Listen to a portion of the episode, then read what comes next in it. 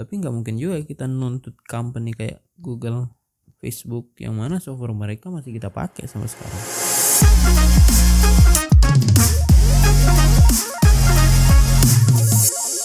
Selamat datang di episode keempat. Di episode ini gue bakal coba ngebahas sesuatu yang mungkin dibutuhkan semua orang dan penting sih sebenarnya. Jadi hampir semua orang menganggap bahwa internet ini merupakan sebuah media di mana lu bisa mencari informasi, pengetahuan. Tapi nggak semua orang aware nih, nggak semua orang peduli dengan keamanan internet.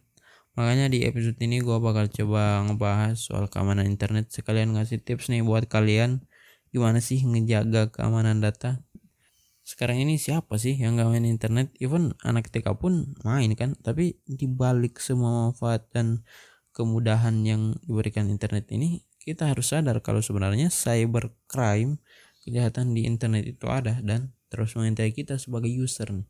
Itulah kenapa manajemen keamanan internet ini sangat penting gitu. Oke, saya coba berikan contoh ya. Kejahatan di internet itu kayak pencurian data pribadi, penyalahgunaan data, pencemaran nama baik, dan masih banyak lagi. Bahkan sekarang yang dicuri itu bukan lagi hal-hal basic kayak yang gue sebutin tadi, tapi yang diambil itu adalah psychological factor seperti minat, passion, interest, fokus, harapan, impian, kemarahan, dan masih banyak lagi. Nah kalau itu uh, eh, gue udah bahas nih di episode ya kemarin di episode di mana gue ngebahas soal sosial media gimana sosial media bisa polarisasi dan mengkotak-kotakan kita sesuai uh, minat, sesuai behavior, sesuai habit kita. Kalau bicara soal pencurian data pribadi sih udah standar sebenarnya, udah ketinggalan zaman, data tanggal lahir, alamat email, alamat rumah. Itu Eh, company kayak Google, Facebook, Twitter itu udah punya data-data itu kan. Tapi nggak mungkin juga kita nuntut company kayak Google, Facebook yang mana software mereka masih kita pakai sampai sekarang. Terus yang jadi permasalahan di sini adalah penyalahgunaan data pribadi tersebut oleh orang-orang yang tidak bertanggung jawab oleh orang-orang yang mungkin ada di circle kita gitu kan. Kayak tiba-tiba nama kita terdaftar di akun pinjol akun diambil alih orang lain dihack terus pencemaran nama baik. Itu semua terjadi ya karena kelalaian kita sendiri. Nah ini baru-baru terjadi ada kasus penipuan yang berawal dari fitur terbaru Instagram yours gitu kan.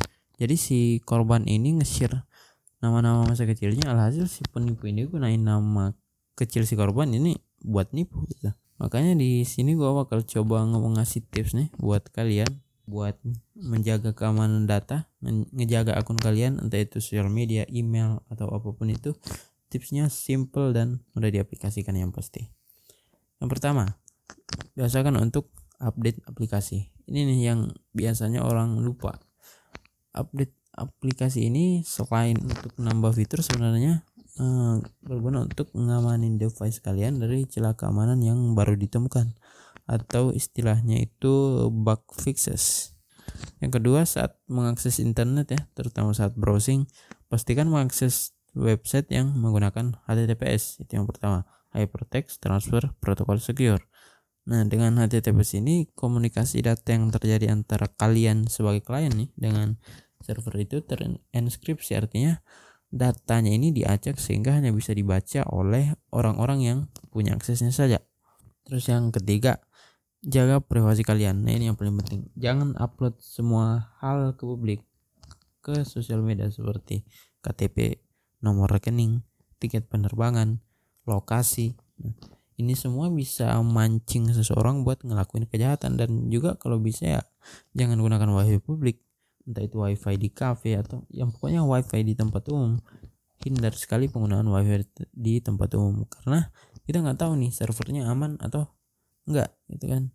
Bisa aja ada orang yang menyadap komunikasi kita dan sebagai orang awam ya kita nggak mungkin tahu itu kan.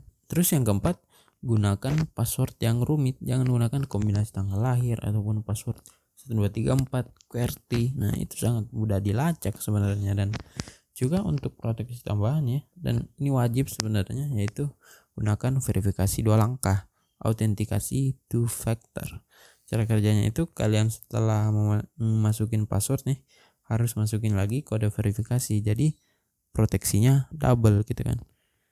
Mungkin itu ya di episode 3 soal keamanan data. Sekalian ngasih tip juga. Jadi tetap hati-hati di internet dan keep your privacy safe.